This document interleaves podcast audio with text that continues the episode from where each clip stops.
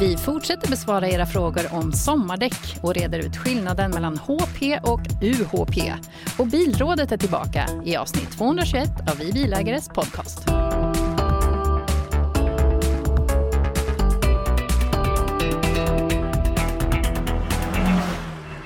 Varmt välkommen du som lyssnar på Vi Bilägares podcast. Jag heter Maria Dalin och säger välkommen till Nils Svärd. Hej! Hallå, hallå! Vi välkomnar också Anders Helgesson till podden. Du Anders, du glömde säga något om förra podden som var avsnitt 220. Ja, jag har ju eh, piskat mig själv blodig tänkte jag säga. Du har legat under skrivbordet där, så liksom i fosterställning nästan och Ja. bara väntat på nästa poddinspelning. Maria tog mig så på sängen där eh, med 220 så att jag sa ju någonting helt oväsentligt men naturligtvis tänker väl alla på Jaguar XJ 220 när vi har avsnitt 220. Såklart vi gör. Alla utom Anders. Ja, och jag för delen. det. Jag gick ju så vanligt vid Mercedes-spåret som är så uppenbart så att det gick inte att undvika. Ja. Men varför heter den 220? Det kan Den skulle göra 220 miles per hour den där bilen och det gjorde den. Det var världens snabbaste bil en ganska kort period men eh, världens snabbaste bil och otroligt vacker får man ju säga. Sportbil. Stor och bred. Mm. Har du kört den Anders? Jag önskar men det är en på redaktionen som har kört den. Kalle Jaså? Karlqvist har kört Mm, såklart, Kalle. Ah, I ja. Sverige dessutom tror jag. Ja, och jag tror Kalle har berättat det här i en annan podd. Olovandes. Det kanske han har. Ja, jag får att ägaren inte visste att bilen... Kalle hade fått godkänt utav personen i fråga som hade bilen i sin omvårdnad. Men hade inte frågat ägaren. Eh, Och eh, Kalle tog ju bilderna och publicerade detta och sen kom det en försiktigt samtal. Men vad, vad gör ni med min bil? Men det, det redde ut sig till på det bästa sättet tror jag. Så det var ingen, större fara. Ja. ja, det är bra det. Ja, då, får, då får ni titta lite i poddarkivet och se om vi kan hitta den där episoden. Svårt med bildbevis också. Ja, En verkligen. anekdot på det, jag minns eh, det här tio år sedan, det måste vara 2010 om inte tidigare, när det kom en ny E-klass som var med på test. Som vi skulle låna in och sen så eh, var det svårt att få tag på någon som fick tag på en handlarbil, åkte ner till Göteborg, fick köra upp ner till Stockholm. Eh, var med på test, han göra fotograferingen och sen ringde den här handlaren och var jättestressad att de har lämnat ut fel bil. Det var en kundsåld bil som skulle levereras till kund. Det var inte den här demobilen vi skulle få och bad dem få tillbaka en brådskande så liksom fort ner till Göteborg igen och då har vi nu kört då Stockholm, Göteborg tur och retur och fått ett stenskott i rutan och den här skulle ny, liksom, nybilslevereras till en kund. Oj, Så oj, jag oj. vet inte hur de lyckades lösa det där med den stackars kunden. De la handen på rutan där och här Ja, är visst. din bil. Ja, en Mercedes E E350 CDI hette den då. Det är, V6 diesel, det var ju, ja. det är märkligt, jag har hört med en likt, eh, liknande sak. eh, En Jaguar-anekdot på tal om det här att få ut fel Ja. bil. Skulle göra en sån här snålrace ner till kontinenten och det är ju planerat i ganska god tid och man frågar efter bilarna. Jättegod tid och allting var på banan. Vi hämtade en Jaguar XI med lilla nya dieselmotorn och så skulle vi åka. Så åkte vi. Två dagar in i resan, sen någonstans mitt i Tyskland så ringer de från Jaguar och säger att du, vi har lämnat ut fel bil. Bilarna är absolut identiska. De är grå där men det skiljer en siffra i registreringsnumret och ni har fått våran demobil, ni har inte fått pressbilen. Skulle ni kunna tänka er att komma tillbaks?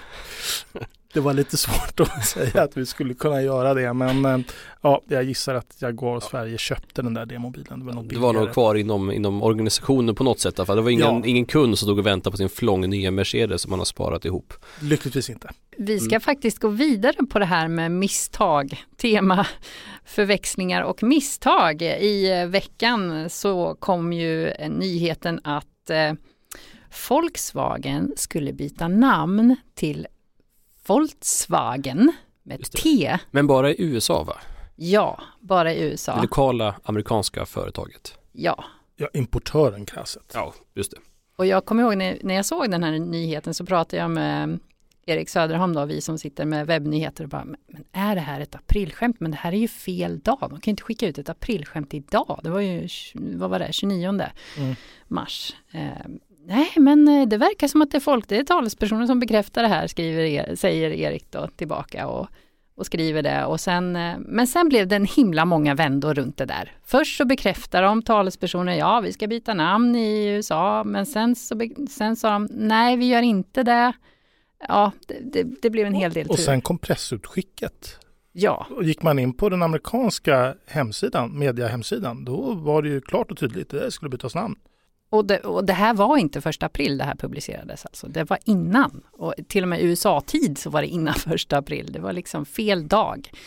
Um, Men nu har de väl officiellt pudlat till slut? Ja, det har de. Men mm. vad, hur, har vi hört någon officiell bortförklaring? Liksom varför? Att man har, om det var tänkt ett aprilskämt men råkat publiceras på fel dag, ja, shit happens. Men när man går runt och börjar bekräfta osanna rykten som sanningar i en tid då vi lever liksom med fake news och vad ska man tro på, vad är sant, inte sant. Och hela den soppan, för det var otroligt förvirrat. Man följer sociala medier, och liksom seriösa journalister som sitter och verkligen debatterar med varandra huruvida är det sant, ska vi skriva om det, vad har du publicerat, vad har du publicerat? Om man följer Twitterflöden. Alltså. Mm. Fast samtidigt, jag gjorde en liten snabb eh, rundkoll på lite vilka webbadresser som fanns tillgängliga som hette Volkswagen. Om en firma av Volkswagens kapacitet gör en sån här sak, då kommer man köpa upp allt som är i närheten av att kunna heta Volkswagen, för man vill inte att någon kidnappar det. Och det ska man göra på alla marknader, det fanns inte registrerat någonstans. Så tips för er som vill kapa Volkswagen, det finns gott om lediga webbadresser där ute. Mm. Jag personligen hatar ju aprilskämt och jag, man får inte skoja utanför första april. Det får man Nej, inte. Det får man inte göra. Jag älskar aprilskämt men man måste ju någon viss heder bakom det. Ja. Just för att behålla trovärdigheten i en, i en tid då mediebranschen är så ifrågasatt från alla möjliga håll om trovärdigheter och sånt där. Mm. Eh, för det har ju diskuterats internt, vågar man skriva aprilskämt längre nu när det är så konstiga tider och det är så, så lätt med desinformation som sprids. Mm. Ja, precis. Att, det, det, det, vi har haft en diskussion här. Vågar vi, vågar vi inte? Ja, så att eh, nej, det är eh, väldigt snurrigt och som Erik skrev en krönika där att Volkswagen har inte råd med det här. Att med tanke på sitt förflutna om att inte tala sanning i angelägenheter eh, så det här är liksom, nej. Det var ju amerikansk medias tagning på det man ser nu när de gått ut och sagt sanningen att vi ljög när vi sa att det var sant. Så var det liksom från företaget som gav er Dieselgate kommer nu följande liksom meddelande. Men är det... inte det här bara ett resultat av att det läcktes för tidigt? Och sen så var liksom hela den här PR-apparaten, man hade köpt in det här från en PR-byrå, allting var igång och man skulle göra det här pressutskicket. Men man skulle göra den första april så att man kunde säga mm. att det var ett skämt. Det var ett mycket bra skämt. Och så kunde de inte bromsa det för man fick ingen, liksom, ja men vi kör, vi kör, vi kör. Och sen så bara, i Tyskland ligger man och sover när det här händer eller om det var mitt i kaffepausen, vad vet jag. Och sen bara, men vad håller ni på med? Det här måste ni avbryta. Och sen den här trögheten, det går så fruktansvärt fort idag. Så det räcker med att man har de här timmarna på sig och mm. laborera fritt och göra enligt plan. Men enligt plan, fast fel dag då. då. Mm. Mycket olyckligt i alla fall.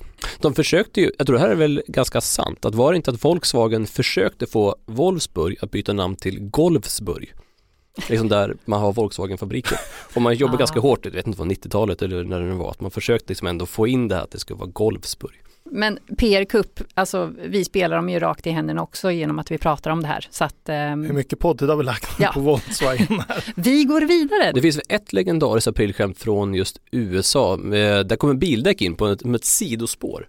Eh, jag vet inte vart, men det var en stad i Alaska som ligger bredvid en vulkan som är slocknat alltså jättemånga år. Så var det någon lokal invånare som fick för sig att han skulle liksom, som aprilskämt tända upp den vulkanen. Så att liksom under ett års tid har han samlat bråte och bildäck och liksom gjort världens skräphög i den här vulkanen som man sen tände eld på och fick få då invånarna tro att det var liksom vulkanutbrott på gång. Man hör ju hur dumt det var. och sen blev han anmäld för miljöbrott. Ja, jag vet, det vart väl inte jätteuppskattat tror jag från eh, diverse räddningsmanskap och annat och eh, som blev tvungen att ja, involveras i det där. Men eh, hats off för att det ändå är långsiktig planering. Verkligen. Eh, vi går vidare i nyhetsflödet. I veckan presenterade ju Kia eh, elbilen EV6.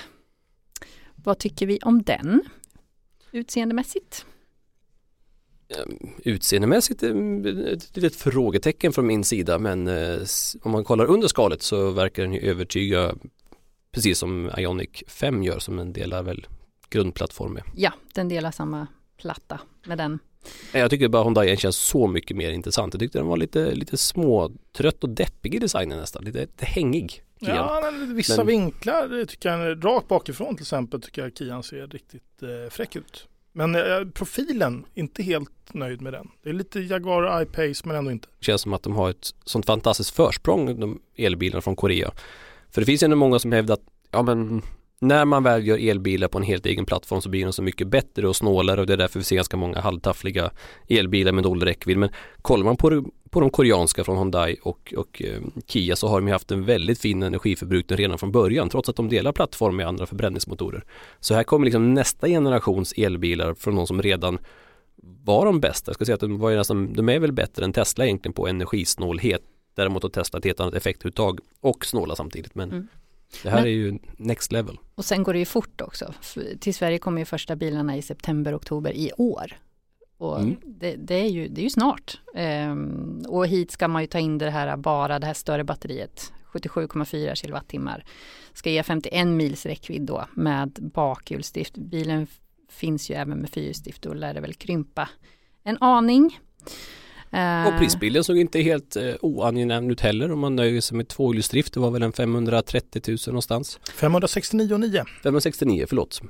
Bra du med Anders. Det är där det börjar och sen går det uppåt då.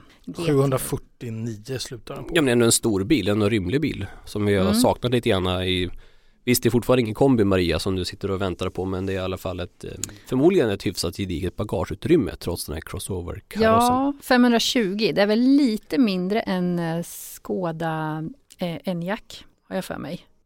Och sen har den ju en frunk. Eh, så att, ja, jag tänkte på en annan sak också i samband med det här att man ser mer och mer nya elbilar som presenteras att de får ett sånt här relax-läge. Det pratar vi om, om den här Ionic 5 också. Det har ju den här Kia EV6. Och även Mercedes EQS. EQS. Ja, den har någon slags relax mode som man ska när man sitter vid laddaren, att man ska typ få någon slags mindfulness moment där.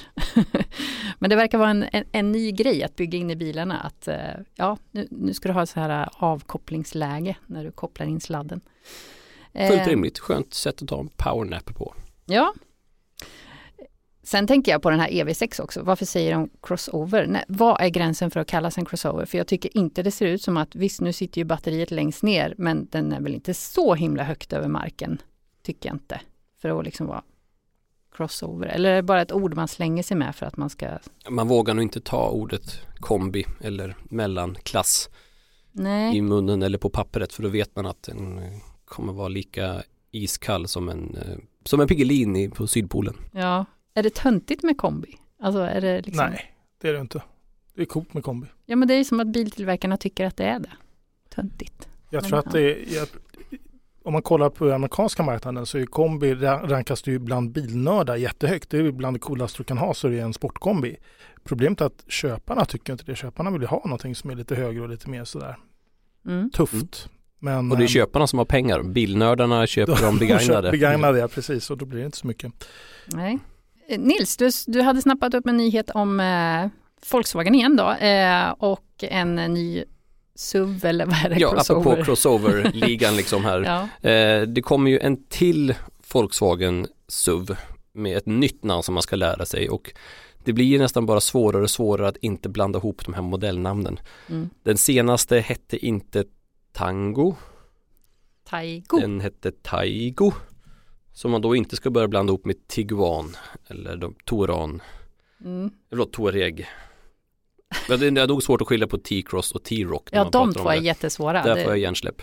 Tänk att komma på massa nya modellnamn på SUVar som börjar på bokstaven T för att hålla ihop det här. Utan liksom att, att upprepa sig för mycket. Vi gjorde det för en podd sen för ganska, det var ju ett tag sedan. Men de har ju liksom tio olika SUV-modeller i Kina som inte alla får här, som alla heter någonting på T. Då har vi liksom, även i Kina finns det några som finns här, så några bekanta namn, men det är T-cross, T-rock, sen är det T-rock L, Sen är det Tiguan som är den gamla Tiguanen som fortfarande säljs. Sen så kommer den nya Tiguanen. Sen är det Taru, sen är det Taron, sen är det Tiguan L. Det är Touareg och så Terramont och så har vi nu Taigo. Taigo. och sen får vi inte glömma att vi fortfarande har en liten Toran mitt uppe i alltihop även om det inte Just är en SUV. Mm. Den smyger in där som en katt bland hermelinerna. ja. ja. De, de, de kanske har några gamla anställda från Ikea som sitter och De har ett utmärkt dataprogram som spottar ut sånt Ja, här. det är så. Det är AI. Crosskört med alla olika Ja. språk i världen för, att det inte ska betyda något. Och även mot alla patentregister så man liksom varumärkesskyddar namnen direkt innan de kommer ut. För jag förstår faktiskt de som går som Kias väg att man bara kör en bokstav-sifferkombination. Liksom det är Mm. safe. EV6 kommer inte reta upp någon. Apropå Folka och T. eh, För de som kommer ihåg så fanns det en Toyota Hilux, eller Hilux beroende på vad man vill säga, som hette Volkswagen Taro. Den skulle inte heta Taro, den skulle heta Tara, men det var varumärkesskyddat. Någon dator hade hittat det före så då blev det Taro istället. Är det någon som har sett en modell som heter Tara? Jag har inte gjort det. Det är någon som sitter på det där namnet alltså. Nej, Mm, Pass, nej. ingen aning faktiskt. Nej. Döp nästa bil då, nästa Volkswagen SUV. Säg något på T som nästa ska heta. Tina. TikTok tänkte jag säga. Nej, jag har ingen aning. Jag är blankt. Truffle. Tryffel. Volkswagen Tryffel. Det kanske... Trouble. Trouble, ja. Mm. Vem vet. Eh, Anders, du hade en nyhet om eh, Volvo och föräldraledighet. Volvo har, och det är väldigt generöst, man säger, de kommer att ge alla sina anställda som varit anställda i minst ett år och som bor i ett land där föräldraledigheten eh, understiger 24 veckor kommer man ge 24 veckors föräldraledighet med 80% i lön. Det är väldigt generöst. Det Mm. kommer säkert kosta Volvo en hel del pengar och det är förhoppningen är att väldigt många män ska ta ut det här. Så man får en mer svensk bild. Man kommunicerar med en svensk eh, bild inom företaget helt enkelt. Mm. Jag tror det är uppskattat. Jag tror det finns en stor efterfrågan av den unga generationen i länder där inte socialförsäkringar är lika stort utbyggd. Att det kan bli en väldigt populär arbetsgivare att gå till den här svenska Volvo. För jag Jag vet, jag pratade med någon kompis i, i USA, han, vi fick barn ungefär samtidigt. Och jag, jag hade väl ganska precis halva föräldraledigheten liksom med min fru, mer eller mindre. Men han hade, han sa att eh, han var ledig första dagen, att hans arbetsgivare inte hade rätt att neka honom att inte komma till jobbet den dagen han blev pappa. Mm. Men han får ingen lön för det på något sätt. Men dag två ska ju infinna sig som vanligt och snurra på. Och en annan vän som bor i London, han sa, han får ta föräldraledighet som pappa, men han sa att när jag kommer tillbaka kommer mitt skrivbord stå nere i källaren och jag kommer vara fast på samma nivå i det här företaget typ i all evighet. Jag måste byta jobb sen. För annars, för de kommer tolka det som att jag väljer bort företaget för min familj. Så att jag har kvar min anställning, men jag kommer inte få någon som helst Mm. vidare avancemang. Ja. Ja, det Så är... det, mm, jag tror att det finns ett, ett, ett önskemål, det här är alltså lokala personer, inga svenskar som flyttar dit, men det finns ändå i den här, i vår generation tror jag, det finns ett önskemål om lite, lite förändring på den punkten. Mm. Så det är bra, tycker hatten av för Volvo att de går före. Det Verkligen. måste inte komma från staten de här sakerna. Nu blir det däck igen. Vi snuddade ju vid ämnet i förra podden men jag tänkte att vi kanske skulle kunna utveckla det här lite. I nummer sex av tidningen och på webben går det ju att läsa om ett test där vi jämförde så kallade HP-däck med UHP-däck. Nils, vad står det för? Ja, det är ju väldigt osexiga produktnamn som jag tror de flesta egentligen inte stöter på för att man liksom inte vill befatta sig med det kanske upp till slutkonsument. Men UHP kan ändå stå på flera modellnamn när man ska köpa däck på nätet. Kortfattat kan man säga att det är ett komfortdäck och ett sportdäck. Eh, och vi, vi har ju testat då i det vanliga däcktestet som vi gjorde när vi jämför eh, åtta sommardäck så är det en dimension som är 225, 45, 17 som man sätter på golfare och ganska många vanliga familjebilar. Och den, just i det här segmentet, i den här dimensionen så är ju där de här två segmenten möts. Att dels har man HP-däck som är så kallade high performance Ehm, som är väl mest inriktad för vanliga personbilsdäck. Eh, fokus på komfort och total ekonomi. Och sen finns det de här sportdäcken Ultra High Performance som oftast är de större fälgstorlekarna men att de går ju ner från till 17 tum ungefär och HP-däcken går upp ungefär till 18 så att det finns i ganska många dimensioner nu till vanliga personbilar där HP-däck och UHP-däck möts så att från samma tillverkare så finns det två olika däck att välja på. Och då har vi då testat vad är då skillnaden liksom, vad är det man ska väga in i det här? Mm. Vad är det som, som passar dig som kund? Har de olika egenskaper alltså? Ja det har de. De vänder sig till lite olika, lite grann som det låter att ett är mer komfortinriktat och ett är mer sportinriktat. Men liksom hur stor, hur stor är skillnaden? Och ehm, jag kan väl säga att jag var förvånad faktiskt vad, vad mycket bättre sportdäcken var. Det, det, när man kommer ut framförallt på när det är vått väglag. För de här däcken är optimerade för bästa möjliga prestanda på något sätt. Och det är liksom som att komma ut på en Golf fast man har fått ett sportchassi istället för en helt vanlig komfortabel Golf.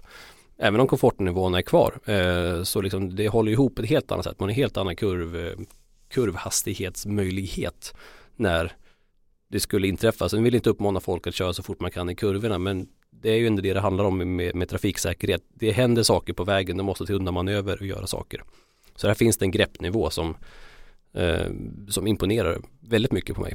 Men då kan man ju tänka sig sådär att ja, om de har satsat allting på greppvänlighet och så här sportigt, har de offrat då ljudnivå till exempel, buller? Mm, ja, det är en sån sak som kanske då man har fokuserat mer på kanske med det här vanliga personbilsdäcket som man oftast eh, ser på mm, vad vi brukar testa, som är det som säljer mest. Jag kan ju säga att jag som står för bromsningarna, Nils säger det att han känner skillnad att det blir som en sportbil på banan nästan. Mm. Men jag, som, jag, jag, vet i regel inte vad det är för något däck som sitter på bilen. Jag har bara en siffra och sen så bromsar jag.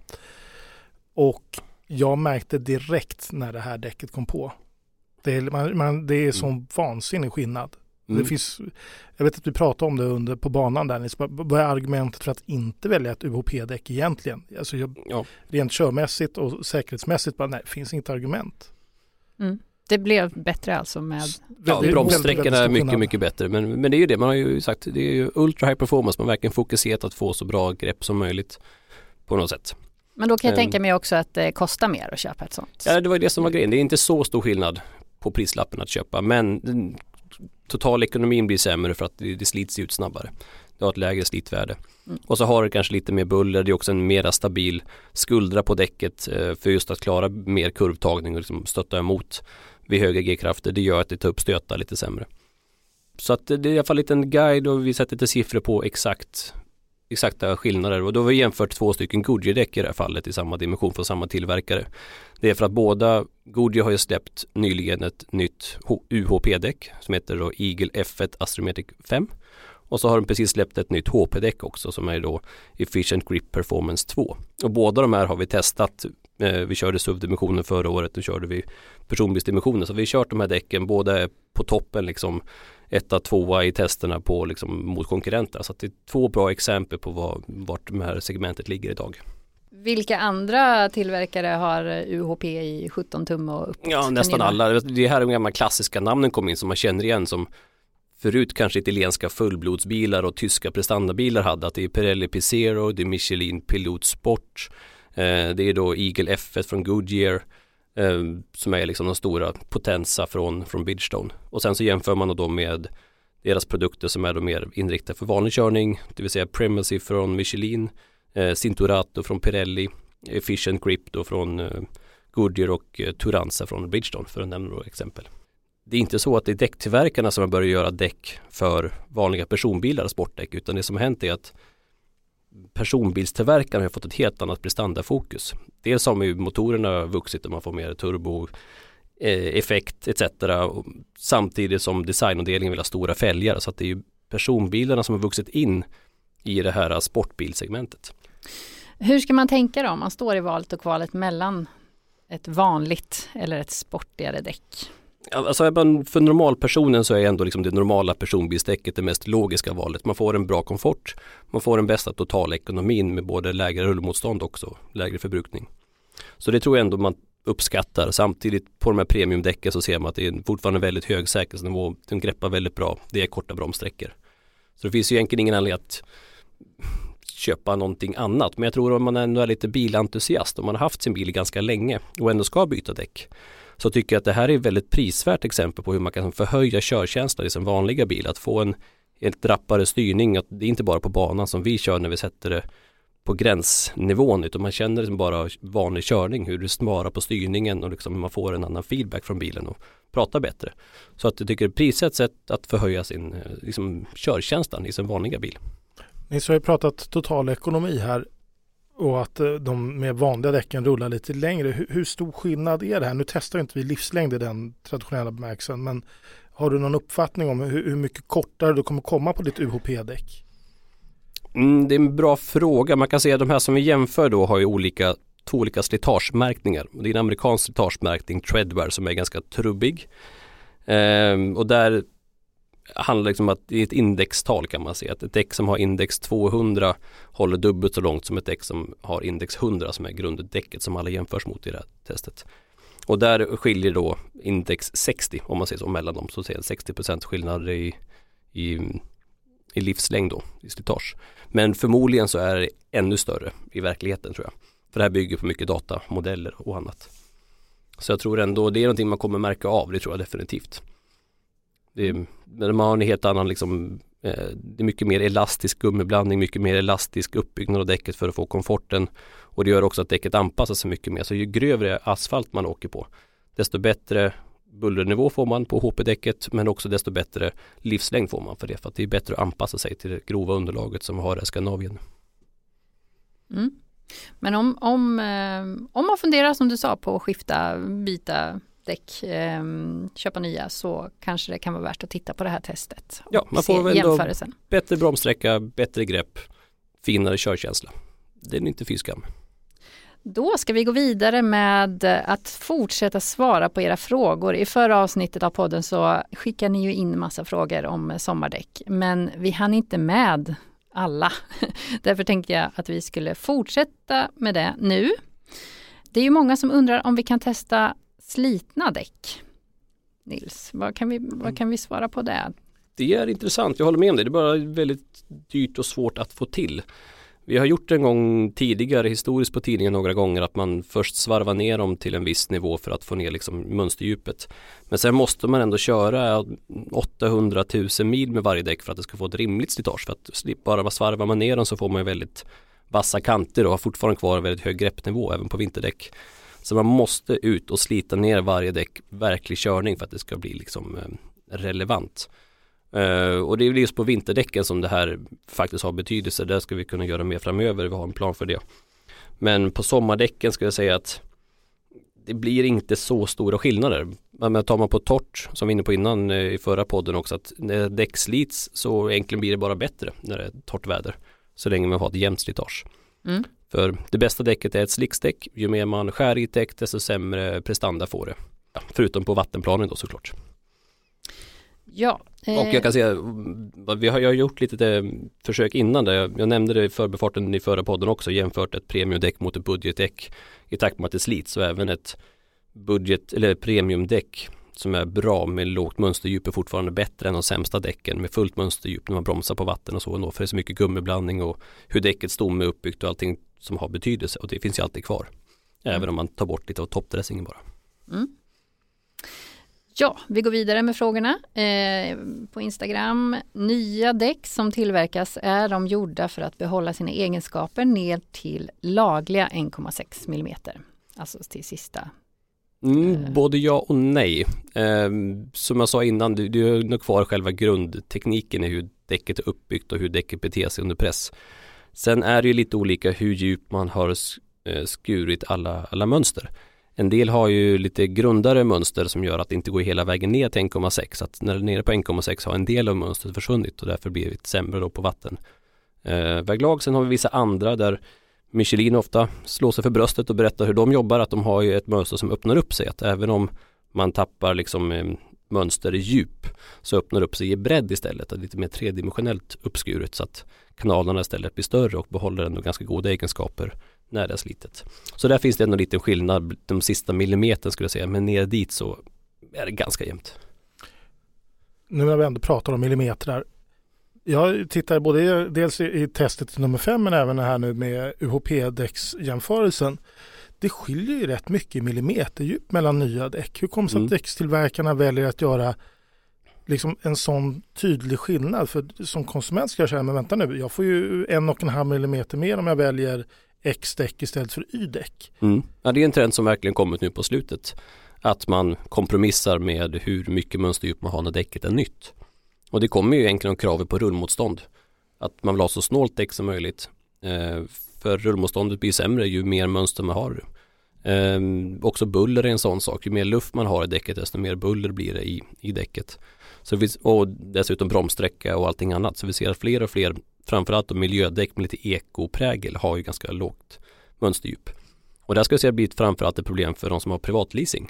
För där har du ofta ett millimeterkrav när du ska lämna tillbaka bilen att du måste ha fyra millimeter kvar eller vad det står i kontraktet.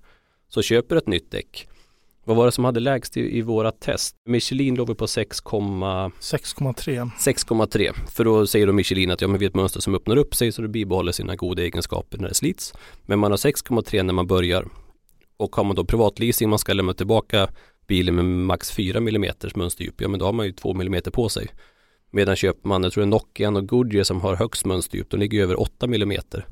De jag tror UHP-däcket här Goodyear var på 8,3. Ja, 8,3. Så att det är liksom, de har ju 4 mm på sig att slita ner däcket innan man ska lämna tillbaka den på privatleasing. Så på privatleasingmarknaden kan det bli lite, lite problem. Så det kanske man ska tänka sig för vad man väljer. Eh, vi går vidare. Eh, vilka sommardäck lämpar sig bäst för körning i vinterföre? Är det någon som undrar här. Jag vet inte, menar personen allvar eller? Det måste vara sommardäcket med snökedja på. Ah. Eller hur? Det, Ja, det måste vara det svar. Ja, logiska just. svaret. Ah. Snökedjor eller autosock eller någonting som Ja. har någon form av greppnivå för det har ju inte sommardäcket. Och Nej. så max 30 meter i timmen. Ja. Eh, Ja nej men det är ohyggligt dåligt fäste i ett sommardäck. Så folk inte förstår hur dåligt ett sommardäck är. För det finns säkert en del äldre personer som drar anekdoter hur de körde på sommardäck året runt på 80-talet eller något sånt där. mm. Men egentligen sommardäcken då är ju idag vad som är all season. De klarade ändå av det.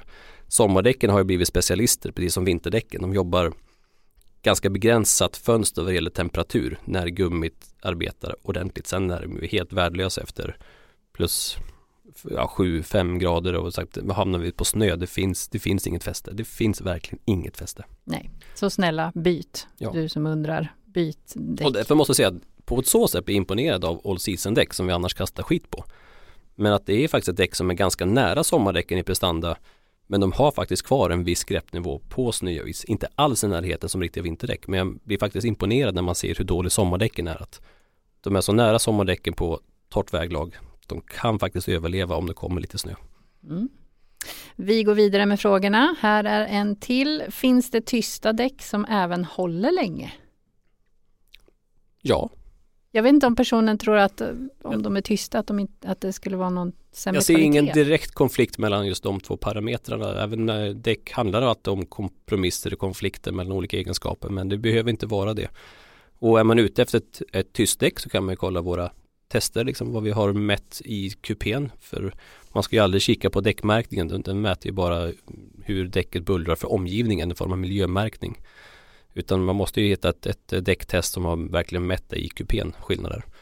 Ehm, och är man osäker ändå, för det skiljer sig mellan olika bilar, hur de re- reagerar på olika däck, så leta upp de som har den här bullerdämpande mattan som finns på ganska många däck, tyvärr i de större dimensionerna, men det börjar pressas ner mer och mer. De fungerar bra. Ja, för det handlar nämligen nästa fråga om. Vad tycker ni om däck med ljuddämpningsmatta? Det funkar jättebra för just skandinaviskt vidkommande. Mm. På, ju grövre väg desto mer hjälper de här för att ta bort vibrationerna som blir inne i, i, i däcket. Det här kavitetsljudet är vad det kallas för som sen sprider sig genom chassit och skapar buller i bilen. De här bullerdämpande däcken med matta i, då, skummaterial, de är lite svåra att hitta till eh, sin bil kanske. Har du några tips där Nils, man hittar rätt dimension? Besök en däckhandlare och be få hjälp för det, skiljer, det är svårt att hitta liksom listor på respektive tillverkare och se vad som finns tillgängligt. Så kolla med lite olika återförsäljarkedjor för kedjorna är oftast i sig knutna till olika märken som har lite mer detaljerad information om vissa och kanske inte alltid har andras. Så att jag tror ändå bäst att få lite hjälp av de som sitter med de uppdaterade listorna för det ändras ju hela tiden. Mera frågor här som vi har fått in när jag läser Instagram-frågorna just nu. Eh, kan man lita på ett otestat däck från en premiumtillverkare som till exempel Conti för en udda dimension? Mm, ja, det skulle jag säga. För det är väl, nu pratar nu just om en premiumtillverkare och det är väl det som brukar ändå utskilja dem. Att de gör sällan en dålig produkt. De har ju internt testat allting. Att de inte släpper ut någonting som har helt faller igenom. För nu hade vi ju en skrällvinnare här i vårat test i den här dimensionen. Från, från Maxis i förra testet. Eh, och det är väldigt bra däck på många sätt och vis. Eh, sen kan det hända att de har fått den här höga prestandanivån med lite sämre slitage. Det är ett frågetecken man kan ställa sig. Men vi har testat runt, eller kollat runt på andra däcktester framför Tyskland. Det går också väldigt bra. Men jag sätter vissa SUV-dimensioner har inte riktigt presterat lika bra på vått. Så att där är vi någonstans en kompromiss. Mm. Men det är sällan man ser sådana stora skillnader hos premiumtillverkarna när man kör olika dimensioner. Att de behåller ungefär sina grundegenskaper. Hur väl stämmer däckmärkningarna kring våtegenskaper och rullmotstånd? Hur mycket kan man lita på dem vid däckköp? Mm, ganska mycket skulle jag säga. Jag snackade skit om bullermärkningen innan som är ju väldigt grovt förenklat som inte man kan lita på. Men men våtgrepp och rullmotstånd är ju standardiserade tester som liksom utförs av oberoende institut. Det är ju även bullermärkningen men det korrelerar inte då med, med bullret inne i kupén. Så det finns ett fönster eh, som säger ungefär vilken bromssträcka på vått det ska ha för att få ett, en avmärkning och däcktillverkarna håller lite koll på varandra också, liksom att man verkligen följer det här. För det görs ju tester hela tiden så skulle någon eh, börja avvika allt för mycket så kommer de få på pälsen. Mm. Som man kan lita på? Ja, till en viss gräns. Ja. Sen är det ju alltid ett fönster i tröskelvärden. Vad som, det skiljer väl en 2-3 meter bromssträcka för ett A-klassat däck, sen till B-klassat. Så att inom varje bokstav är det ju skillnader också. Mm. Eh, samma person har skickat en fråga till. Vart har de regumerade däcken tagit vägen? Borde det inte vara en intressant produkt i dessa tider av återbruk och ökad miljömedvetenhet? Jo, men de sitter på lastbilsdäck. Jag menar långtradare har ju väldigt många däck som bara rullar med som inte har liksom med styrning eller broms att göra på samma sätt som bara ska vara där och supporta vikt och där finns det väldigt mycket regumerat. Sen finns det väl några regumeringsfirmor kvar för personbilsdäck. Det finns tyvärr ingen kvar i Sverige. Vi har haft ett par stycken. Men det är inte där marknaden finns utan det, det går på den tunga trafiken. Det är därför vi ser så många däcksläpp också. Om man ser sådana här eh, stort härligt lastbilsdäck som så att säga slitbanan ligger utan, utan resten av däcket med sig. Kan vara, jag vet faktiskt inte riktigt. Jag tror det är bara är dålig däckhåll också. Jag menar många lastbilar rullar ju otroligt långt och under press. Vi vet ju hur hur tuff den här branschen är med många mer eller mindre seriösa aktörer. Mm. Men det kanske är någonting på spåren, det kan vara så. Sen har vi en annan fråga om sommardäck. Varför är de så dyra egentligen? Eh, och det är väl, eh, ja. Alltså, det, det, är de inte. nej, nej det, det beror väl på, eller? Det beror på, helt och hållet på vad man ser. Man brukar alltid säga att däck är en billig livförsäkring och det är det eh, rent objektivt. Men vi som, man får en liten inblick i den här däcksbranschen, särskilt jag som är ny då i det här. Ja, du sa ju en spontan kommentar senast när vi var på någon ja. anläggning och såg alla resurser som fanns där. Det, det är görs. osannolikt att de kan vara så billiga egentligen. Och när jag fick höra hur, vi har ju varit hos en däcktillverkare, eh, en italiensk eh, slash kinesisk däcktillverkare. De hade 3448 artiklar Alltså de har 3448 olika däck som kan tillverka på beställning. Det är ju som de ska tillverka, som ska finnas i lager. För det är också, tror jag, det är väl bara listan för idag som är certifierad till olika tillverkare. Alltså har man den här Ferrarin eller Porschen eller Volvon så ska det finnas de här sortimenten när de kommer in för sin däckservice egentligen hos återförsäljaren om de inte köper då på eftermarknaden. Och det är vad de har lovat tillverka ska finnas tillgängliga för en kund att kunna köpa likadana däck som redan satt på när den tillverkades ny. Ja, och nu pratar och sen, vi ändå sommardäck här och det är ju en ganska global företeelse. Men så har vi ju våra vinterdäck. Och att de på fullt allvar konstaterar att de utvecklar, man tycker liksom att vi kör ju vinterdäck bara några månader och det är ungefär så de utvecklar däcken. Det gör de ju inte. De utvecklar ju det där året runt. Så att nu när de har packat ihop utomhusanläggningarna för att snön smälter undan, då bara flyttar de ju vackert in i inomhusanläggningar och börjar mäta vidare. Där. Det är en fantastiskt fin utanför Piteå finns det en uppbyggd eh, inomhushall som är gigantisk som också är ju och där har man ju forskat fram tillsammans med Luleå universitet och sitter och jobbar med snökristallen att de snön man tillverkar inomhus ska vara likadan som den är utomhus. För det hade man lite problem med i början och det var ingen fara så länge man jobbade mot fordonsindustrin som också testade norra Sverige. För om vi bara har liksom en låg greppnivå för att testa antisladdsystem och ABS och alla de här grejerna. Exakt, och snön ser ut spelar ingen roll. Men däcktillverkarna har problem att där ser ju snökristaller annorlunda ut och då beter sig däcken annorlunda jämfört med natursnön som är på vägen. Så där har man jobbat stenhårt med att tillverka bra snö. Så funkar det även för däck. Så drar man till Nya Zeeland för där har man ju som vintertester på, på, på sommaren för att kunna fortsätta göra uppföljningstester då. Mm. Eh, när man inte kan köra i norra Sverige där de plöjer ner en hel del pengar. Och jag kollar lite siffror. Jag tror Continental, eh, tyska tillverkaren skrev att de varje år tillverkar de 143 000 testdäck som används för intern utveckling. Som sen återanvänds ska vi säga också. Eh, och man kör motsvarande 5 000 varv runt jorden. Sina egna testchaufförer, alltså vad som pågår bara för att testa ut alla de här däcken. Och Michelin säger samma sak, de är 6 000 anställda som jobbar på Michelin. De har över 10 000 aktiva patent. Bara förra året tillkom 250 nya patent. Eh, och eh, de hävdar att de kör ett varv runt jorden var tolfte minut med sina interna däcktester. Oj. Det är inte alltid så stimulerande att vara däckstestare hos Michelin. Det blir väldigt mycket körning. och då ska vi säga, det är inte så att de har liksom låg, låglöneanställda som jobbar med det här, utan det här är liksom ändå ingenjörer som sitter och utvecklar, som har en utbildning som plus sociala kostnader och sånt. Så att um, det är väldigt mycket ingenjörstimmar nedlagd på varje produkt bara för att hela tiden höja säkerhetsgränsen, bara benchmarka och slå konkurrenterna.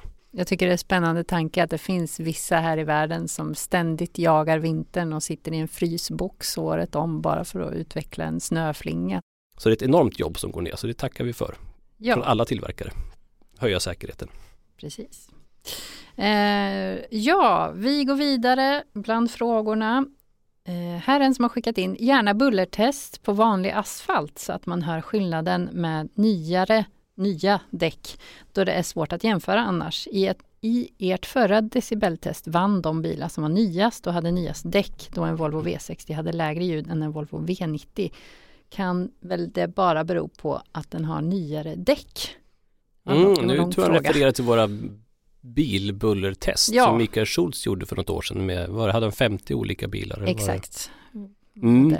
Ja, det skulle jag inte vilja säga, snarare tvärtom. Nyare däck, kanske mer bullrare.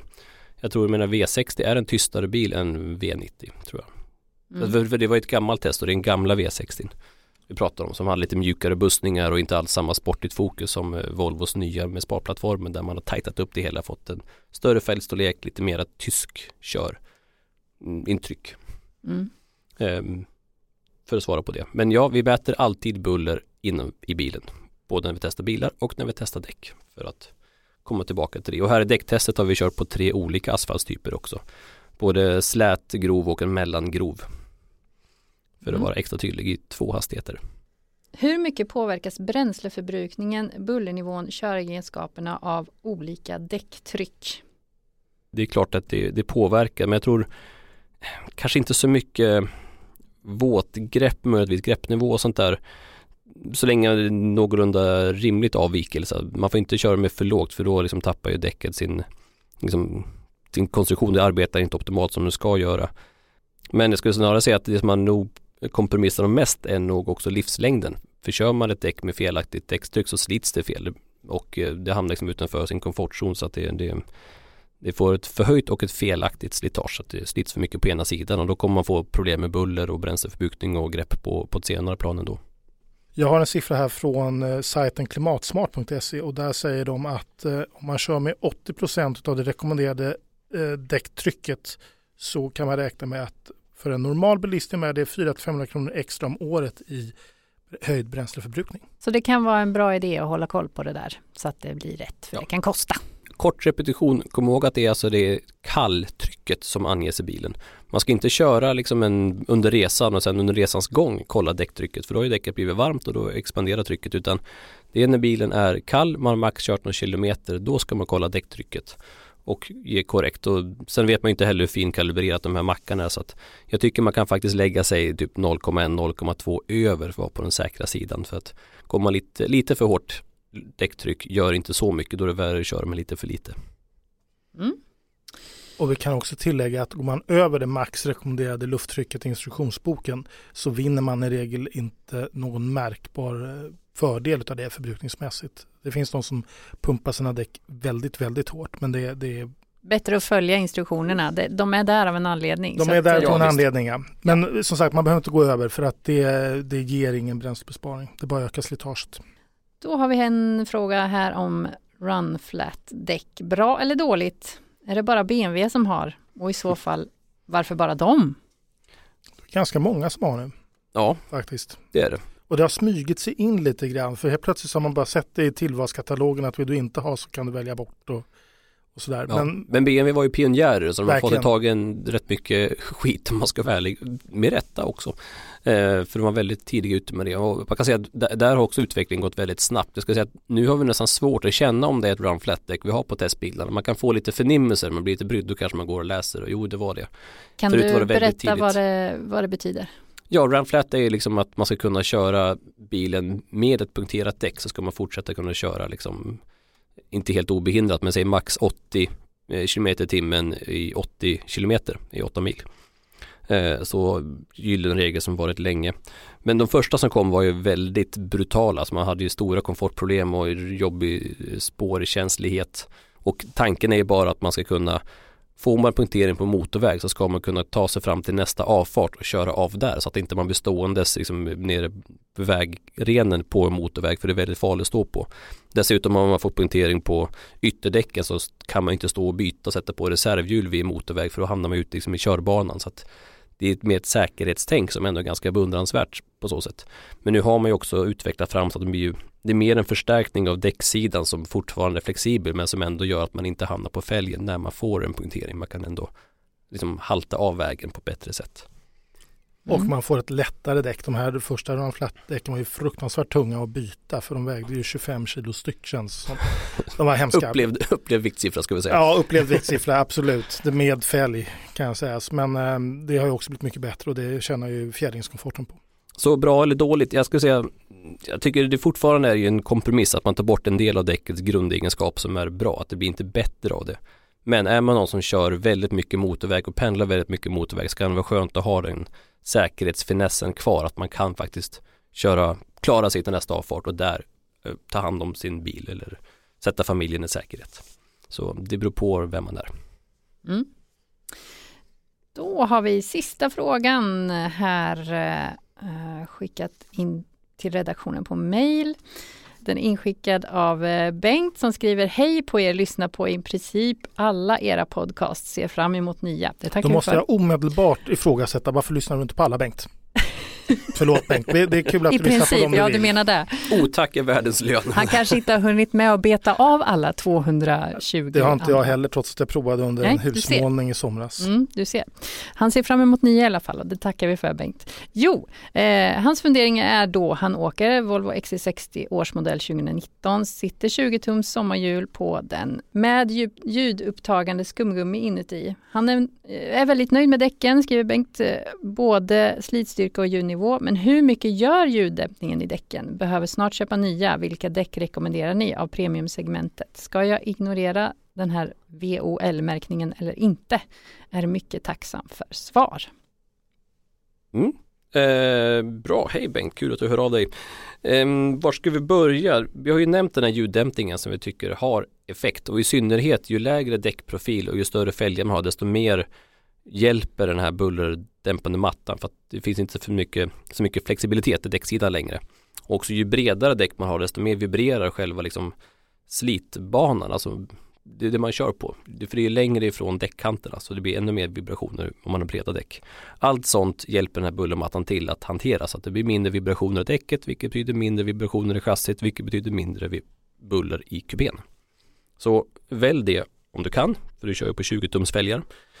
Um, ska jag ignorera VOL-märkningen? Och VOL det är ju Volvos egna märkning. Det betyder att på det här däcket så är det inte Michelin som har tillverkat däcket som har bestämt eh, egenskaperna utan det är Volvo tillsammans med Michelin som har jobbat fram att Volvo kommer med, med en kravlista.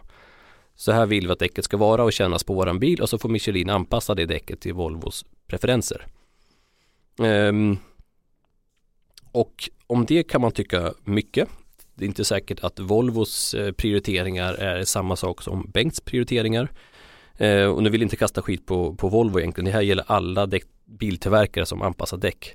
Det som är viktigt för en biltillverkare är rullmotstånd, rullmotstånd, rullmotstånd och så rullmotstånd. Numera. För det är ju CO2-siffror, det hotar miljardböter i EU om man inte klarar flottutsläppen, det är sänkta eh, skattesatser och allt möjligt. Så att man får ett säkrare och bättre däck om man skippar den här däckmärkningen. Alltså man inte går ifrån Mercedes märkning eller BMW eller Audi och sånt där. Mm. Eh, men, eh, men, det man kan riskera, för nu kommer jag få biltillverkaren på mig här mejlkorgen, eh, är ju att det är ju andra sidan är också en anpassning att man vet att det däcket passar bilen, att man inte får några problem med resonans eller buller eller stödtagningsförmågor.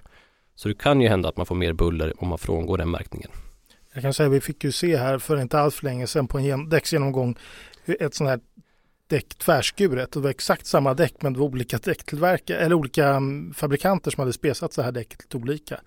Och runt däcken, det som ligger grann mot fälgen är ju som en stålfläta. Tänk er en stålvajer med lite kardeler och sånt där. Och den såg ju olika ut för alla tillverkare. Några ville mm. ha den rund, några ville ha den lite nästan trekantig. Ja, diamantformad och lite ja. sådana saker. För det, det beror sen på hur däcket kommer påverka med styrningen. Liksom. Hur det ska svara snabbt eller mindre snabbt på styrinput eller komfort. Och där har olika tillverkare olika prioriteringar. Så mm. det är det jag sa det här med att Ferrari och Volvo båda heter Pirelli P0 men alltså det finns ju inte någonting på däcket som är likadant egentligen. Allting från gummiblandning till däcket, stommen eller däckfoten som Anders pratade om nu nere vid fälgen. Allting är olika. Så men eh, med det sagt, jag tycker faktiskt eh, man kan faktiskt frångå den här biltillverkarens grej för att det är för mycket fokus på rullmotstånd.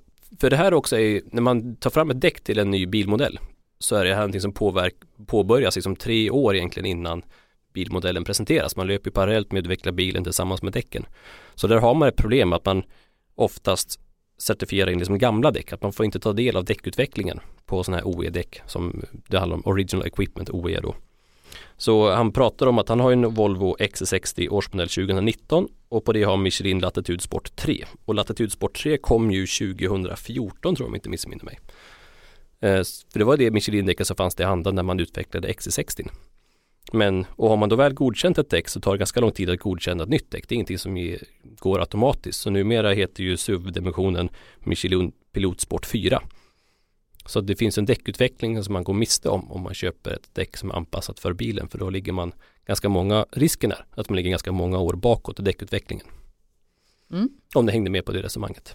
Jag tror, jag tror jag hängde med. Jag hoppas det är också lite nackdel med. med att låsa in sig till däcktillverkarens däck. Att det är liksom, man missar den kontinuerliga utvecklingen som sker. Ja. Eh, jag hoppas att ni som lyssnar fick eh, svar på era frågor och lite goda råd och tack såklart för att ni skickade in och för att ni frågar. Det är jätteroligt när ni hör av er.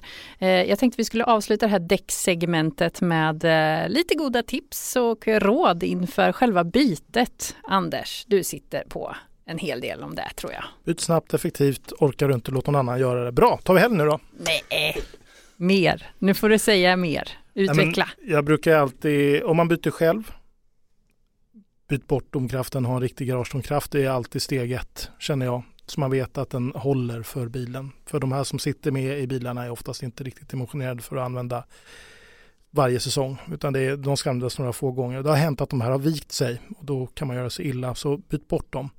Det finns vissa bilmodeller som måste ha de här originaldomkrafterna för att de har infästningspunkter som kräver det. Det är oftast sportbilar eller konstiga SUVar.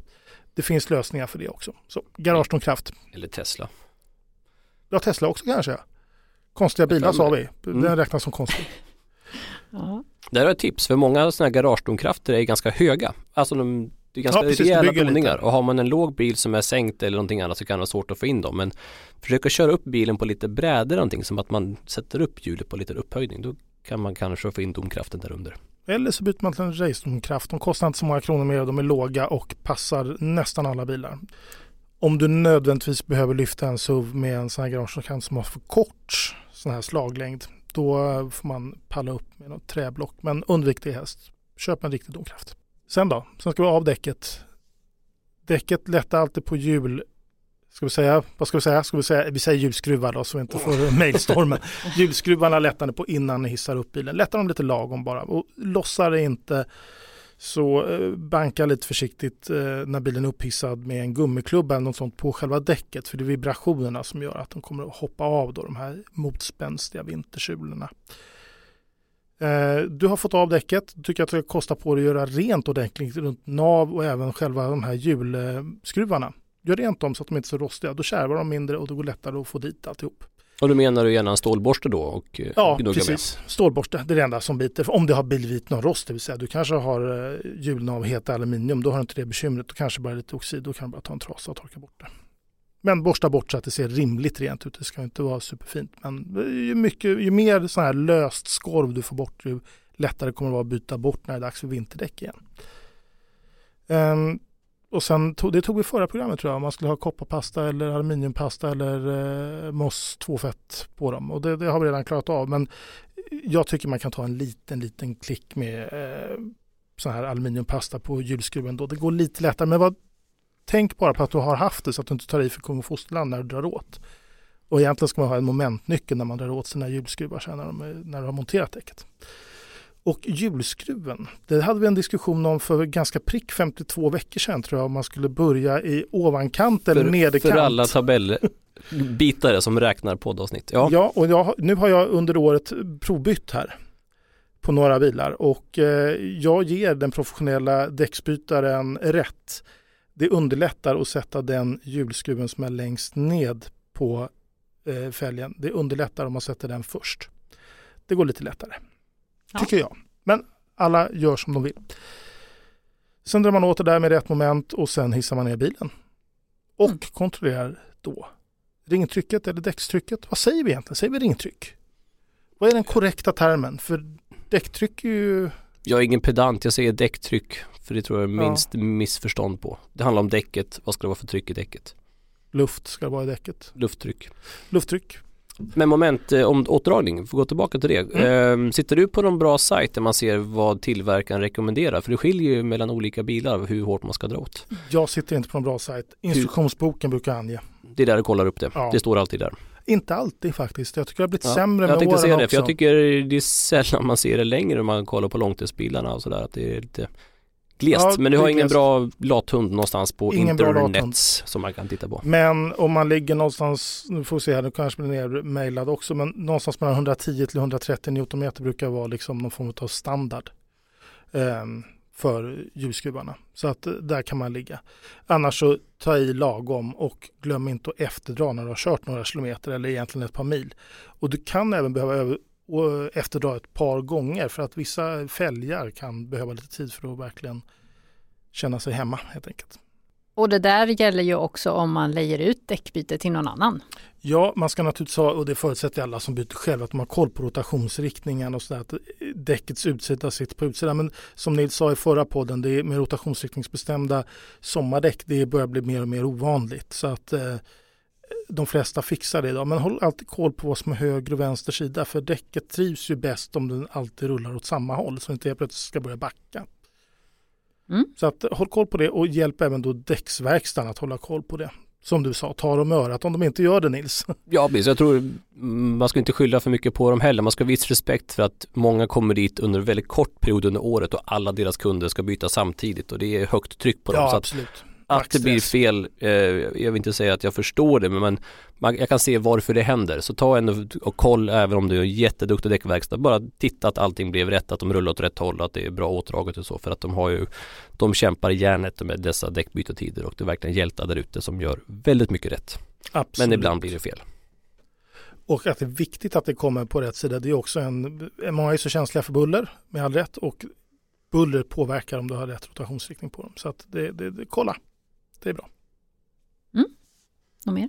Nej, jag tycker jag känner mig rätt nöjd där. Ja. Däcksglans förstås på, på dem som ser snygga och fräscha ut.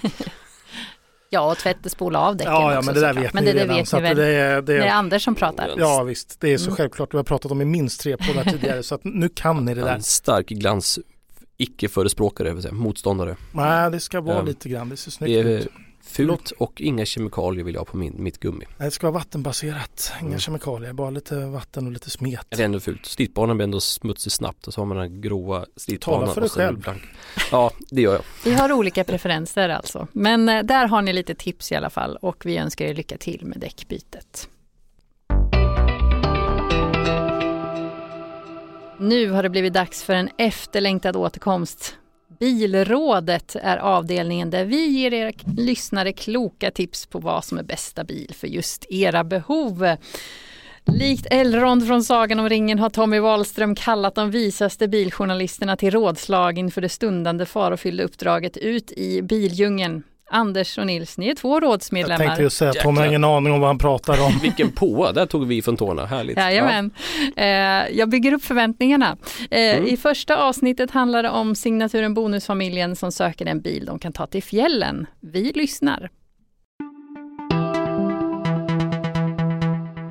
Bilrådet är tillbaka vid Bilägares rådgivningstjänst som tar dig, käre lyssnare, i handen och leder dig mot ett lyckligare bilägande. I panelen har vi ett pärlband av kunniga medarbetare som tillsammans kommer att komma fram till det ultimata bilvalet utifrån ett givet scenario. Och det må låta lite kakafoni från början, men jag lovar att så sant som jag heter Tommy Wahlström, så när diskussionens stridsdamm har lagt sig så kommer Bilrådet att leverera ett enigt utslag. I panelen idag så har vi Nils Svärd. En gång i tiden var han en av Sveriges unga skidhopp. Numera hoppas han mest på att barnen ska gå och lägga sig i tid utan bråk. Välkommen Nils! ja, det var väl summerat. Hej på er! I panelen har vi också Anders Helgesson, tvätthallens okrönte regent. Anders, vad var det nu man skulle göra om man missar hinken och tappar tvättsvampen på golvet? Slå sig själv nio slag med den niosvansade katten på bar rygg. Finns inget annat straff. I panelen har vi Sveriges snabbaste motorjournalist Claes Skarin. Claes, finns det någon som slår dig på 800 meter? Ja, det, det tror jag. Det sprang jag nästan aldrig. 400 var det som längst. Du orkar inte längre än så eller? Nej, då sätter mjölksyran in. Och det är utan ratt.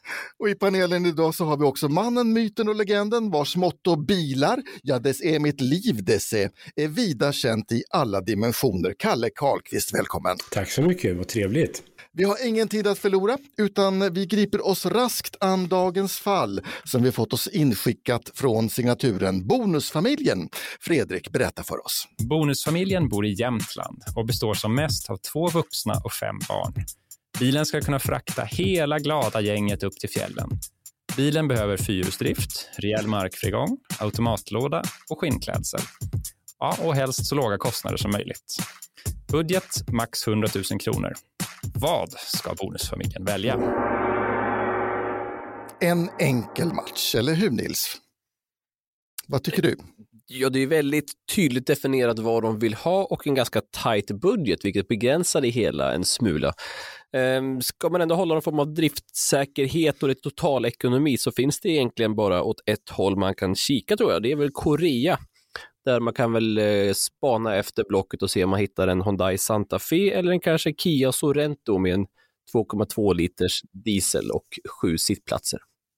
Personligen slår ett slag för Kia, jag tycker den har lite ett ett trevligare drag som passar mig i alla fall när jag har kört de här bilarna. Men det är mycket mera, eh, större utbud på Santa Fe i sjusitsutförande så kanske så man hittar. Och det är ingen dålig bil det heller. Inte för 100 000 i alla fall. Hur, hur gammal blir den om man ska ha den för 100 000?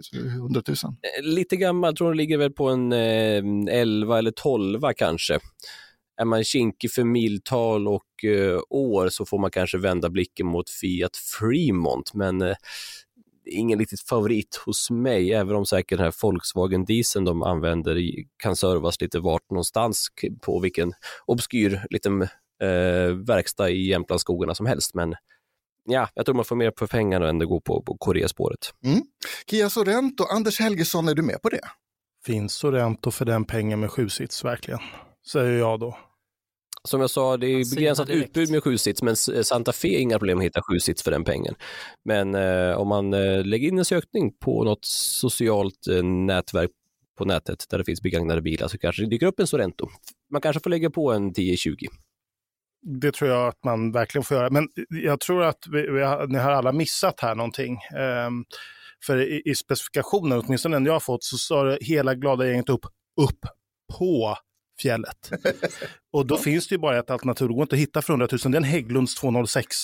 Då får man 11 sittplatser i extra vagnen, man får lägga 400 000 ungefär, men då kommer man hela vägen upp på fjället. Men är det här sådana som militär eh, bandvagn? Ja, typ? räddningsorganisationer och lite ah. allt möjligt. Den, det är en vadare också, så att då kommer de upp på fjället utan tvekan. Men jag, hade ju, jag var ju inne på Hyundai Santa Fe, men jag eh, tror att de kommer tycka att den är för gammal och för sliten. Så att jag säger Mitsubishi Outlander. Du får en 2012, 17 000 mil, Sobel 99 och 9. Men är det en 7 Jajamän. Ja, ja ah, det, det är alltså plug-in-hybriden var inte sjusitsig, den var bara femsitsig? utan det här är dessutom en äldre generation. Ja. Men, den eh, som är fast som Citroën och Peugeot. Precis. Den, den kan du få för 99 och 9 och då är den riktigt fräsch. Men annars, eh, Hyundai Santa Fe är ju inte ett dumt val. Det är nog kanske det mest lämpliga valet, men den blir lite för dyr. Jag har bara hittat en som är vettig för 139 000 och det är över budget. Så att Mitsubishi Outlander. Mm. Diesel eller bensin, det är bara att välja. finns många. Claes Skarin, vad säger du? Ja, jag tycker att ni är lite fantasilösa här när ni be- befinner er i Korea. Jag tar klivet över till Japan direkt. Men, Korea, Mitsubishi är japanskt, Hägglunds är svenskt. Jag har knappt snuddat Ja, till Korea. framförallt så håller ni inte budgeten. Jo, 99 och 9 är väl budget spot on. Ja, ja. står du och hittar på? Ja, vi, vi synar varandra här kraftigt. Nej, men eh, med risk för att vara tjatig så eh, har jag en favoritbil och det är Toyota Land Cruiser Prado. Den var ju uppe även i förra bilrådet. Men jag tycker ändå, om man inte ska vara så extrem som eh, Anders är här och börja gå in på så här militärfordon, så tycker jag ändå att Land Cruisern har en eh, uppgift att fylla här.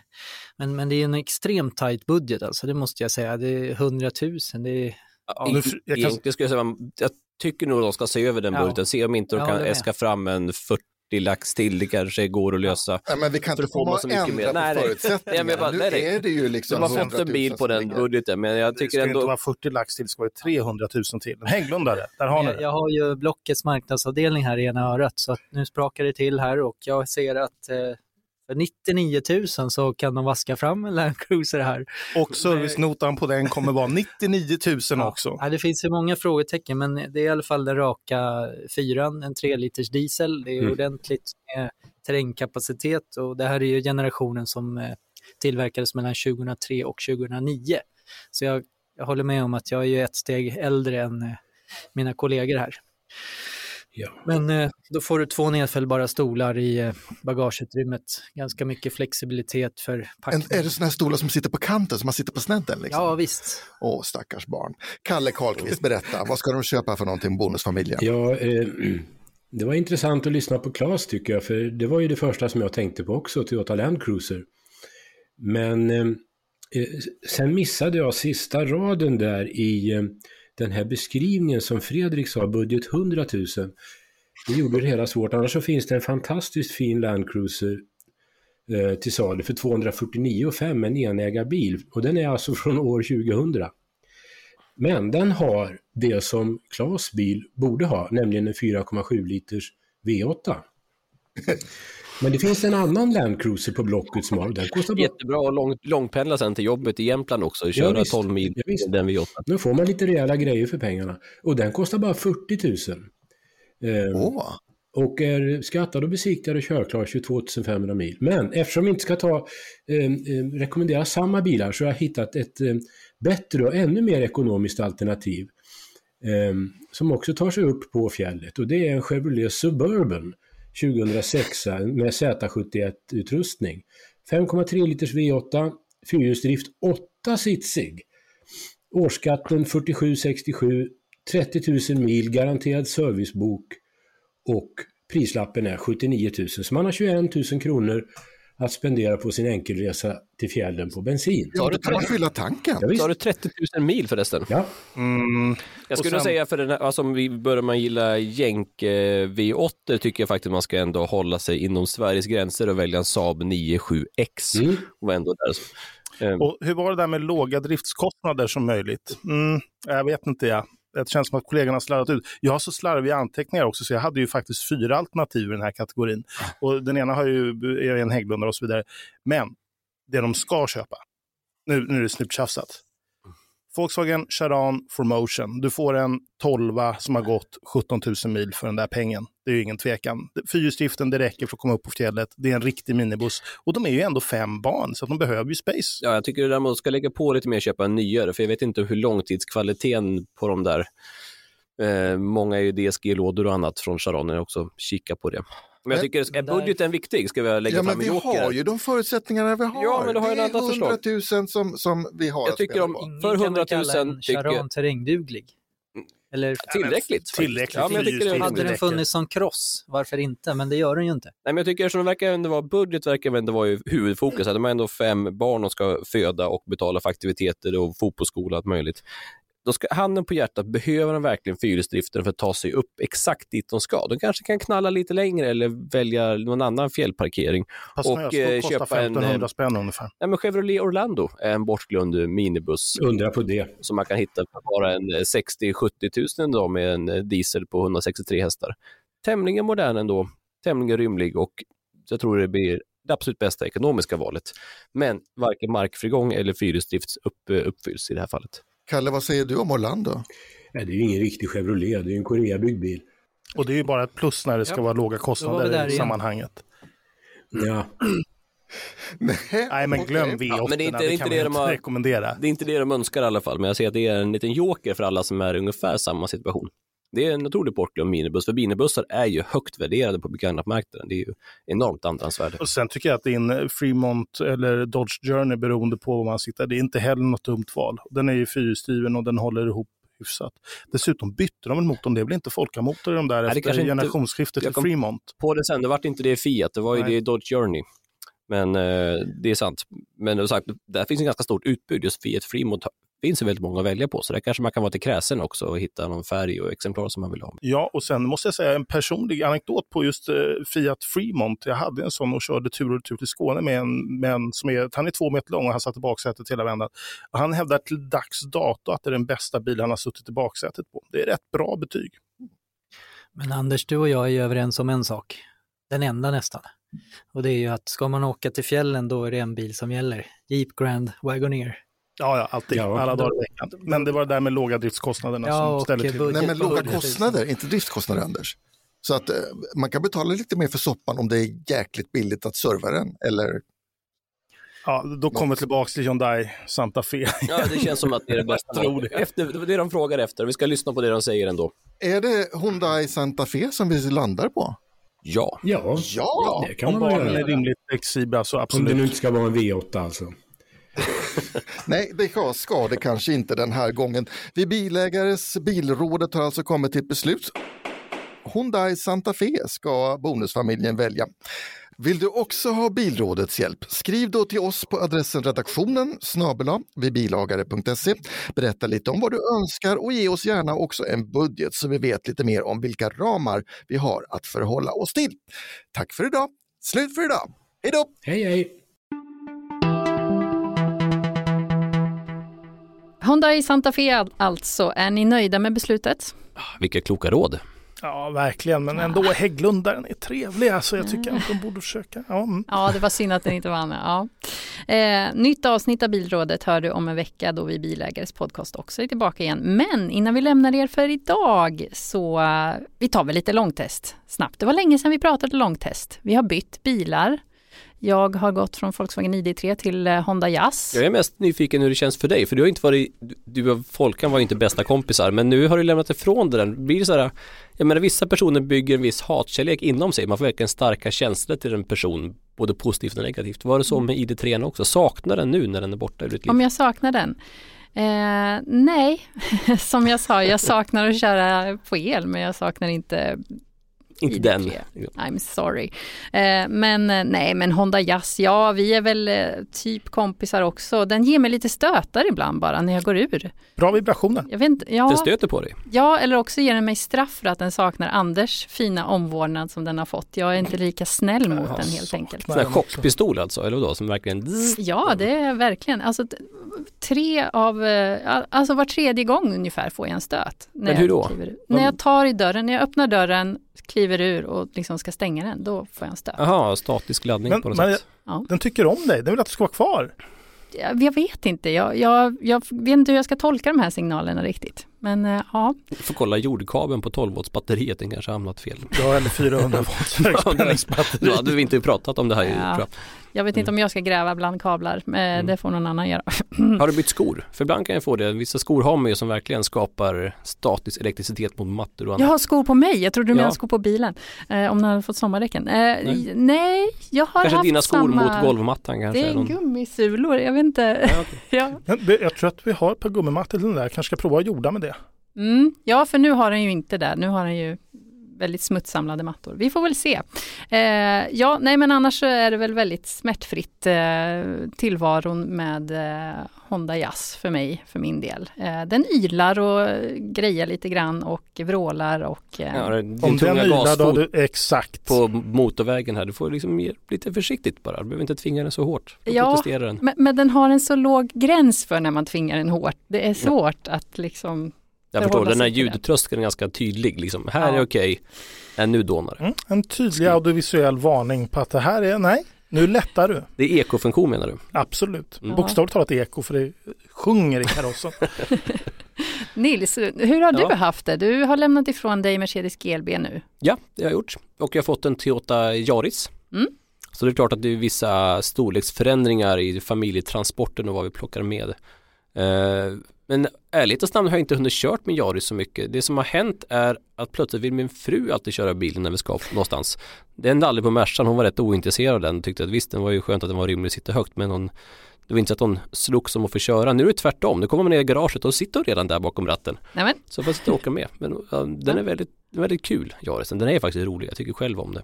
mm. Det är Nils har verkligen inte en heller provat baksäte. Nej, mina barn har det och även, jag har ju fyra och sju år mina barn och det är, det är trångt även för dem. Herregud, vad har hänt? Mina gamla Yarisen var ändå ganska rymliga där bak. Och dörrarna öppnar ju knappt någonting heller. Man får ju knappt in en barnstol. Om man nu byter bil så ofta som vi gör så ska man in med den här eh, sittstolen igen, liksom den här framåtvända som jag har numera, eller bakåtvända också som jag har för fyraåringen fortfarande. Men alltså man får ju verkligen baxa in den genom bakdörren. Det är ett projekt. Herregud. Mm.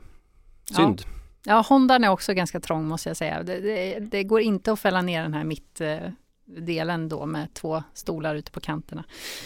Ja, eh, ja Anders, vad har du bytt till dig? Jag har Seat Leon Mm. och jag har kört den en hel del faktiskt. Eh, Och med varierande framgång får man väl säga. Den är ju, Jag fick ju låna den av Ja. dig och jag sa att jag var färdig med den för resten av året. ja men jag förstår dig. Jag, jag hade den här nu när vi åkte upp på eh, vinterdäckstest här för ett par veckor sedan och eh, ja, ärligt talat jag känner mig också rätt färdig. Men den har varit inne på verkstad och vi har fått lite justerade hjulvinklar. Vi ska se om det blir bättre. Ah, jag har okej. inte kört den sedan dess. Att, eh, Vad bra, för den var ju Jag vet inte. väldigt nervös. Det kändes som att kombinationen av mjuka vinterdäck och det tunga batteriet liksom skapade en väldigt konstig svansföring bara att köra rakt fram. Men det var dåliga ljudvinklar också sa du. Ja, var... den, den gick ju, den är ju spårkänslig som jag vet inte vad när det blir lite grövre spår i asfalten. Den, är, ah, den är inte, har inte varit jättetrevlig tycker jag inte. Det var rätt kul att lämna in den här för och, lite mjukvarujustering hade jag hoppats på men jag frågade, har det kommit någon ny mjukvara? De bara skrattade för det var någon, någon på verkstaden som hade en sån här, de förstod precis vad jag menar. För den, trots att jag ställt in min profil, körprofil i den och allting, den, den struntar ju fullständigt i det. Varannan gång ungefär, varannan gång funkar det. Jag har kört den på två långresor. Båda resan slutar att jag sitter med nerhissade rutor för att Ja, ja, klimatanläggningen. Allting låser sig på skärmen och man kan inte göra någonting. Men det enda som händer är att den på något sätt i något default-läge säger att ja, men du ska inte frysa i alla fall. Så det bara kommer varmluft. Och det var jättejobbigt att åka upp till fjällen med den här för ett tag sedan, liksom upp till Jämtland. och stanna. tankar, hoppar in, det är bara en halvtimme kvar nu, liksom sista spurten. Och man känner att man börjar ta av sig mer och mer plagg och liksom barnen klagar. Man stannar, stänger av, liksom låser, låser upp, hoppas det försvinner. Men det händer ingenting, man måste stanna längre. Men man är inte jättesugen på att ta ut barnen ur bilstolarna och stå vid en vägkant och vänta på att bilen ska lugna ner sig. Så att det var sitta där och justera allting med elhissarna. Frisk luft, lite värme, frisk luft, lite värme. Den får alltså värmevallningar. Ja, och det hände nu också. Jag körde upp den till däcktesterna, tog jag med den. Eh, så jag styrde sista etappen och det var samma sak där. Sista halvtimmen sitta med elhissarna liksom. Otroligt irriterande. Ja, Jag det- kan det- ha jobbat runt det. Jag justerar temperaturen i appen för, Ja. för förklimatet och Jag har- det kan påverka. Jag har ju inte appen som inte jag har kör bilen än. Jag har bara lånat den så jag får aktivera min Seat-app. Då kanske jag kan justera det. Ja, Dessutom fick, det ringde en SOS åt mig för den, den här talfunktionen är ganska rolig. Vi har klagat på det innan. Att den begriper inte svenska för det första. Och sen så får man upp massa förslag att det här kan du säga i snabbkommando. Typ spela radio P1 eller vad det står. Det står liksom på skärmen uttryckligen och så läser man där. Spela radio P1. Så här, kan inte utföra det här kommandot liksom. Och sen hade jag någon gång jag skulle ringa min vän Johan så här. Ring Johan. Ringer SOS alarm. Så, han måste, så försöker man trycka på den skärmen och stänga av men hinner liksom inte. det. Ja. Men du fick i alla fall frågan för för mig la den på i ett samtal och ringde upp servicenumret. Det är också liksom. Men, men, Ja, Seat service då, Ja, ja, inte SOS-alarm i alla fall. För det var lite pinsamt att hamna där och försöka lägga på och Ja, be om ursäkt. Hör ni inte, te- ser ni inte tecknen? Det behöver ju hjälp bilen. Det är väl därför den försöker ringa service, försöker ringa SOS. Det är någonting den behöver hjälp med. Den, det är, Det är det här Volkswagen-koncernen. Ja. ja, vi kommer fortsätta såklart uppdatera er om hur det går för oss och alla våra äventyr med långteststallet. Men det var faktiskt allt för idag. Vill ni så hörs vi igen om en eh, vecka. Eh, tills dess, kör försiktigt, ta hand om varandra i trafiken och glad påsk. Hej då! Hej då! Du har hört Vi Bilägares podcast. Om du inte redan prenumererar på podden så gör gärna det, så missar du inte något avsnitt. De senaste nyheterna hittar du på vår hemsida, vibilagare.se. Just nu har vi ett extra förmånligt kampanjerbjudande för att läsa alla artiklar och hela tidningen online. Endast 19 kronor i månaden de första tre månaderna. Läs mer på vibilagare.se snedstreck premium.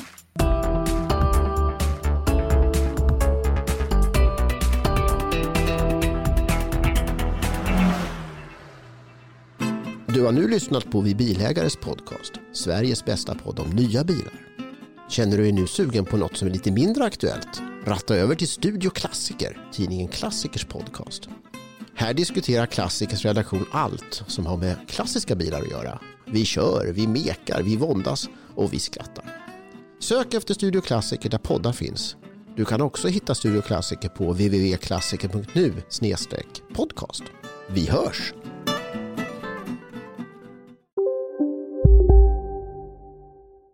Hej, Synoptik här. Livet med glasögon ska vara bekymmersfritt. Därför får du 30% på alla glasögon när du väljer Synoptik All Inclusive. All service ingår alltid. Välkommen till Synoptik. Kurrar dig i magen och du behöver få i dig något snabbt? Då har vi en Donken deal för dig. En chicken burger med McFeast-sås och krispig sallad för bara 15 spänn. Varmt välkommen till McDonalds hörni, gänget! Vad är vårt motto? Nej, allt är inte alltid som du tror. Nu täcker vårt nät 99,3 procent av Sveriges befolkning baserat på röstteckning och folkbokföringsadress. Ta reda på mer på 3.se eller i din 3-butik.